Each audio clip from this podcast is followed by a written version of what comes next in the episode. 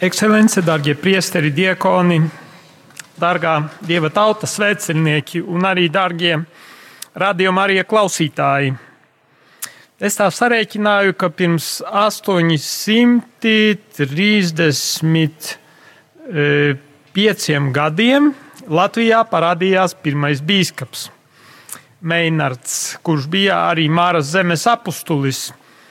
Un e, kā misālis tur komentārā ir rakstīts, ka viņš nekad nepielietoja vardarbību. Viņš bija miera nesējs. Tātad nu, toreiz vairāk bija modē fiziskā vardarbība. Diemžēl citreiz arī ticību izplatot. Nu, šodien vairāk varbūt tāda psiholoģiskā vardarbība citreiz tiek pielietota. Bet nu, viņš bija cilvēks, kurš ienesa mieru.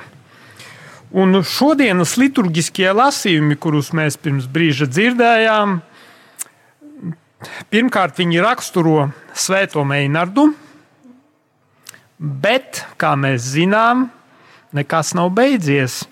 Un Māras zemes evanģelizācijas process nebūtu nav pabeigts. Un domāju, ka arī nav mazāk aktuāls kā viņa laikā. Un tātad šie lasījumi, viņi attiecas uz mums, un tas ir aicinājums mums. Līdzīgi kā otrajā lasījumā bija teikts, kad e, Svētais Pāvils rakstot korintiešiem, viņš saka, jūs esat mūsu vēstule, ko pazīst un lasa visi cilvēki. Interesanti. Katrs no mums, cik to vēstuļu, nu, tā daži simti būs. E, vēstules, kuras adresāts ir mm, Latvija. Latvija un tās visas vietas, kur mēs strādājam, kur mēs kalpojam, kur mēs dzīvojam. Ja nav pilnā jūsu ģimene šeit klāt, tad tā ir ģimene arī e, darba kolēģi, ģimenes locekļi. Tātad adresāts ir Un e, šeit gribās tātad šos vārdus sākumā no pirmā lasījuma. Tie ir ļoti spēcīgi. Man atklājās kunga vārds. Es ceru, ka katram no mums šis vārds aicinu izdzīvot, kā sev adresētu viņu. Kā tas ir Dievs, kurš man saka, Pirms es tevi izveidoju mātes miesās, es tevi pazinu, un pirms tu nāci pasaulē, es tevi svētīju un izredzēju. Par pravieti, nu vismaz Latvijai. Lai arī citām tautām es vēl neesmu pazaudējis cerību, ka piedzīvošu to dienu, kad misionāri no Latvijas dosies uz citām zemēm. Un, piemēram, un tas jau arī notiek. Pats esmu bijis kā misionārs un sprediķojis Āfrikā, Ugandā. Priesteriem, 324 priesteriem no visas Āfrikas.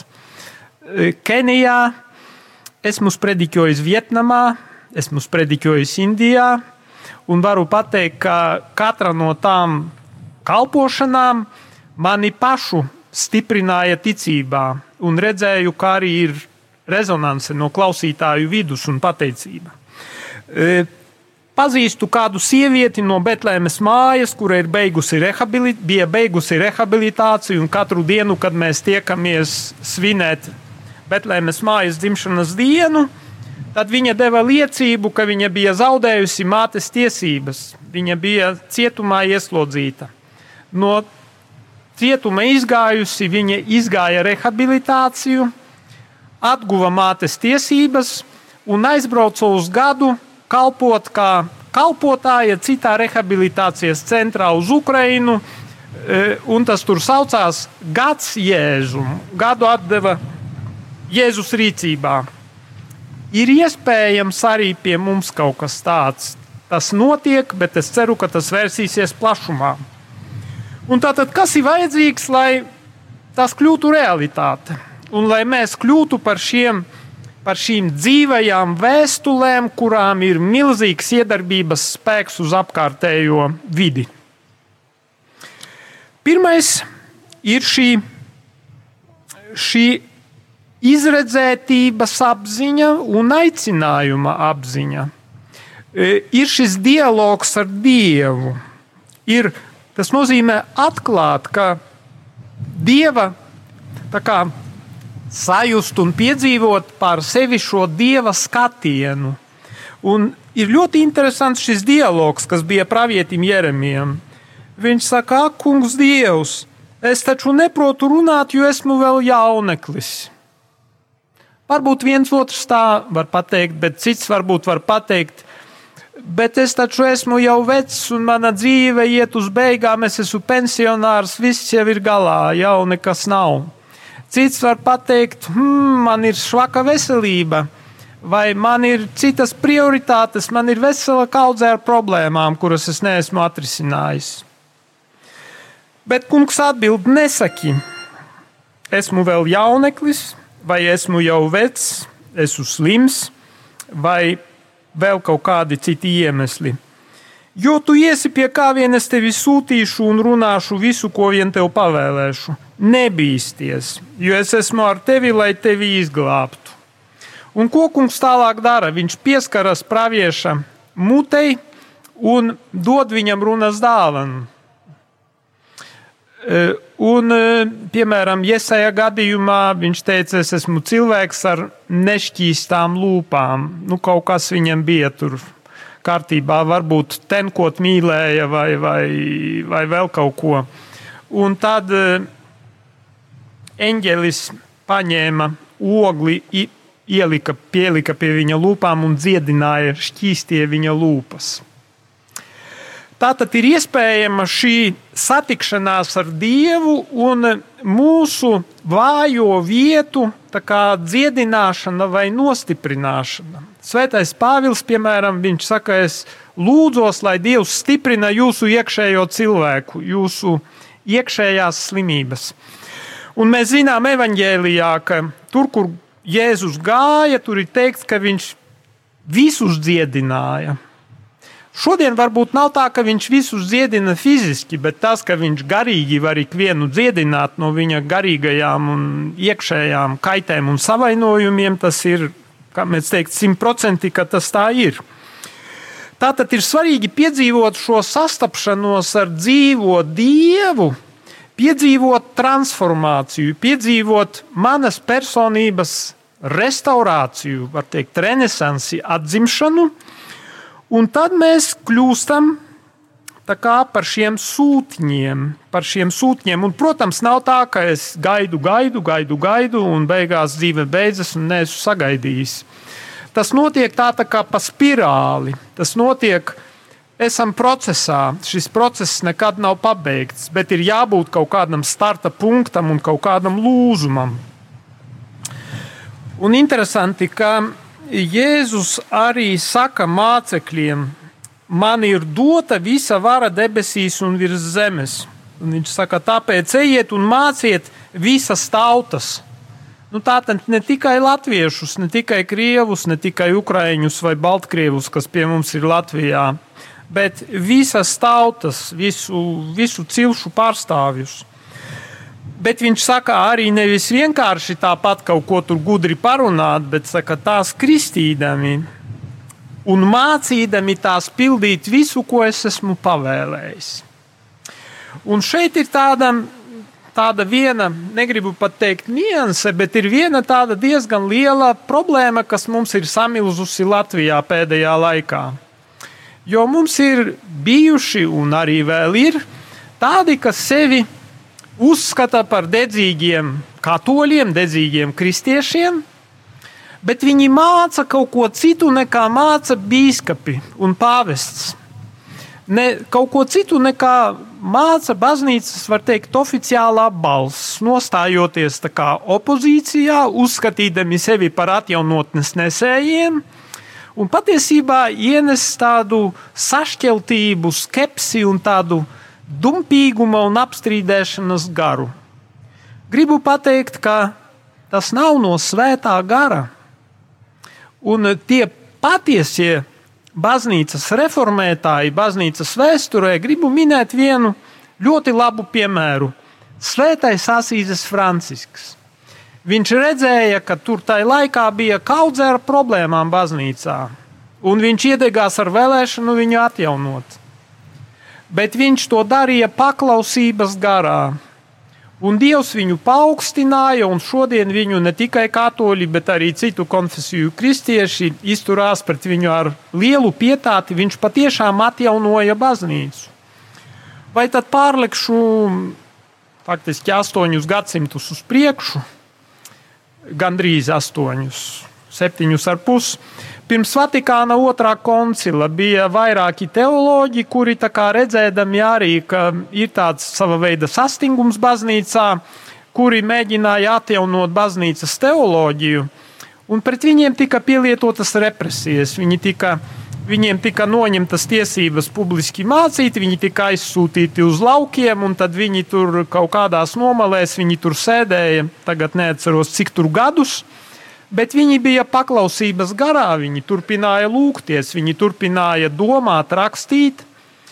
Un tad pienāca brīdis, kad viņi tika rehabilitēti, viņi tika izsaukti uz koncilu par koncila padomniekiem, ekspertiem. Un patiesībā Vatikāna otrais koncils tas ir šo cilvēku, kuri paklausībā bija pieņēmuši arī šāda veida attieksmi, sekoja pēc tam īsta atjaunotne. Tāpēc gribu pateikt, ka īsta atjaunotne ir iespējama tikai vienotībā ar baznīcu, tikai kopsolīm. Un tieši domāju, tas arī ir tas iemesls, kāpēc Pāvests Francisks ir nākošo sinodi sasaucis citādā veidā nekā līdz šim. Ka bija tā, ka biskupi no visas pasaules sabrauc, vēl ir daži eksperti, un viņi tur maļās trīs nedēļas parasti, un tad uztaisa dokumentu, kuru pāvests pēc tam vēl caur sevi izlaiž, un tā ir sinode. Nākošā sinode būs trijos etapos. Viens etaps ir diecēzes līmenī, kur visa dieva tauta ir aicināta piedalīties. Mums šis pirmais etaps rudenī mēs to sāksim. Otrais etaps ir biskupu konference un kontinentālā līmenī. Un tikai trešais līmenis ir, kad jau saka, tie impulsi savākti no visas pasaules, no lokālajām baznīcām, tikai tad būs Romā e, jau vispasaules sinode.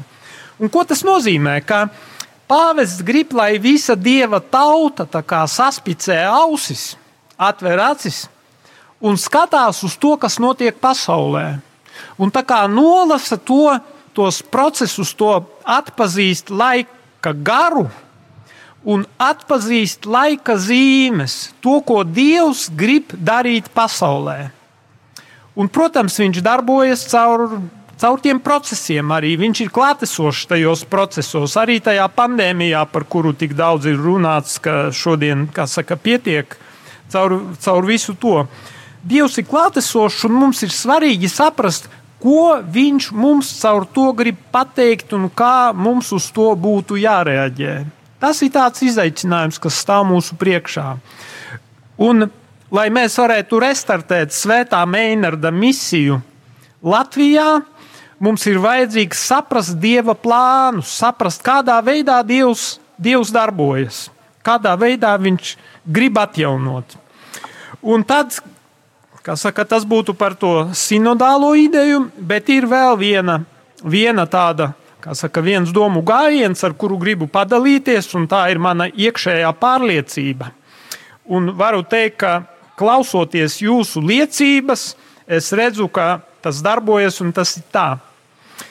Saprotiet, ir ļoti svarīgi, lai mēs ne tikai piedalāmies sakramentu svinēšanā, ejam pie grēksūdzes, piedalāmies svētajā misē. Tas ir pamats, no kura tad izaug viss pārējais. Bet uz šī pamata jābūvē arī tālāk. Un, piemēram, viens no veidiem ir iet kopīgā svētceļojumā un tur piedzīvot katehēzes par kādām noteiktām tēmām, dalīties, lūgties kopā, lūgties rožu kroni, lūgties, nezinu, aizsākt. Laiks Latvijā otru. ir viens vienkārši dienā. kopienas pieredzi. Kopīgi izdzīvotas ticības pieredzi arī ārpus baznīcas sienām. Tas ir ļoti svarīgi. Bez tā esmu pārliecināts, Meinarda misiju un Latvijas revanģelizāciju mēs nevaram nopietni attīstīt. Un tāpēc gribu tā arī uzteikt, piemēram, šeit bija pārstāvi no, e, no laulāto tikšanās kustības. Tas ir viens no ļoti svarīgiem veidiem. Baznīcas kopienas, lūkšanu grupas un kustības. Un šodien īpaši aktuālas ir tās kustības, kas, e, kas nodarbojas ar ģimenes jautājumiem, kas mēģina stiprināt ģimeni.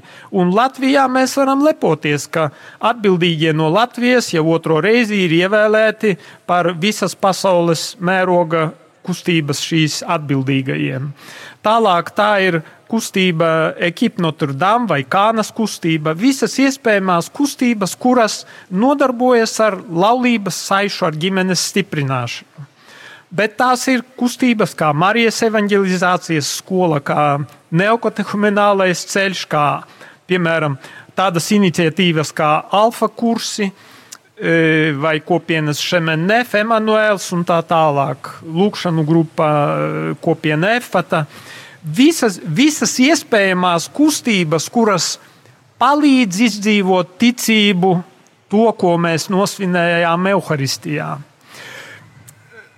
Kāds var teikt, jā, es nepiedaru nevienai no tām, un ko man darīt, nu tad es esmu tāds tā kā bišķiņš, vai es esmu īsts kristietis vai kā. Protams, esam visi kristītie, iestiprinātie, mēs esam kristieši, esam katoļi, Bet es gribu pateikt tā, ka ir svarīgi, lai mēs to uguni Latvijā kā kārtīgi uzkurtu, jo tā uguntiņa deg. Mums ir vajadzīgs arī mūsu, teiksim tā, normālajās draudzēs, kur nav nekādu citu iniciatīvu, pulcēties pa divi, pa trīs, pa četri un sāktie, sākt tomēr dalīties ar savu ticību, lūgties kopā, aizlūgt vienam par otru un e, tādā veidā to ticības uguntiņu izplatīt. Tas ir ļoti svarīgi, un šeit es gribu izteikt pateicību visiem priesteriem, tas jau atkal mazliet plašākos ūdeņos, visiem tiem, kuri atbalsta piemēram, laulāto tikšanās, kuri, kuri pie sevis organizē alfa kursus, kuri aicina pie sevis arī pārstāvjus no evanģelizācijas skolas un tā tālāk, kuri ir atvērti uz šo jaunās evanģelizācijas dimensiju. Un es priecājos par visiem, kuri iesaistās šajās iniciatīvās. Protams, ir arī citas, kā karitas, piemēram, žēlsirdības grupas.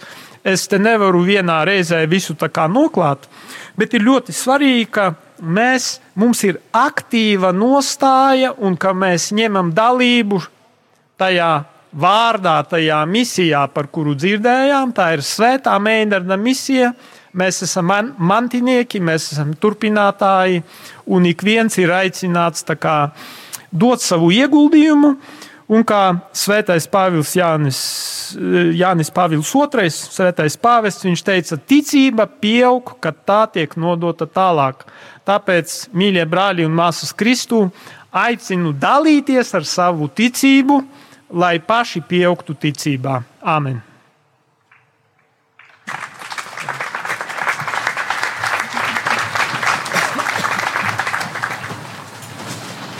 Un tagad piecelsimies un apliecināsim mūsu ticību.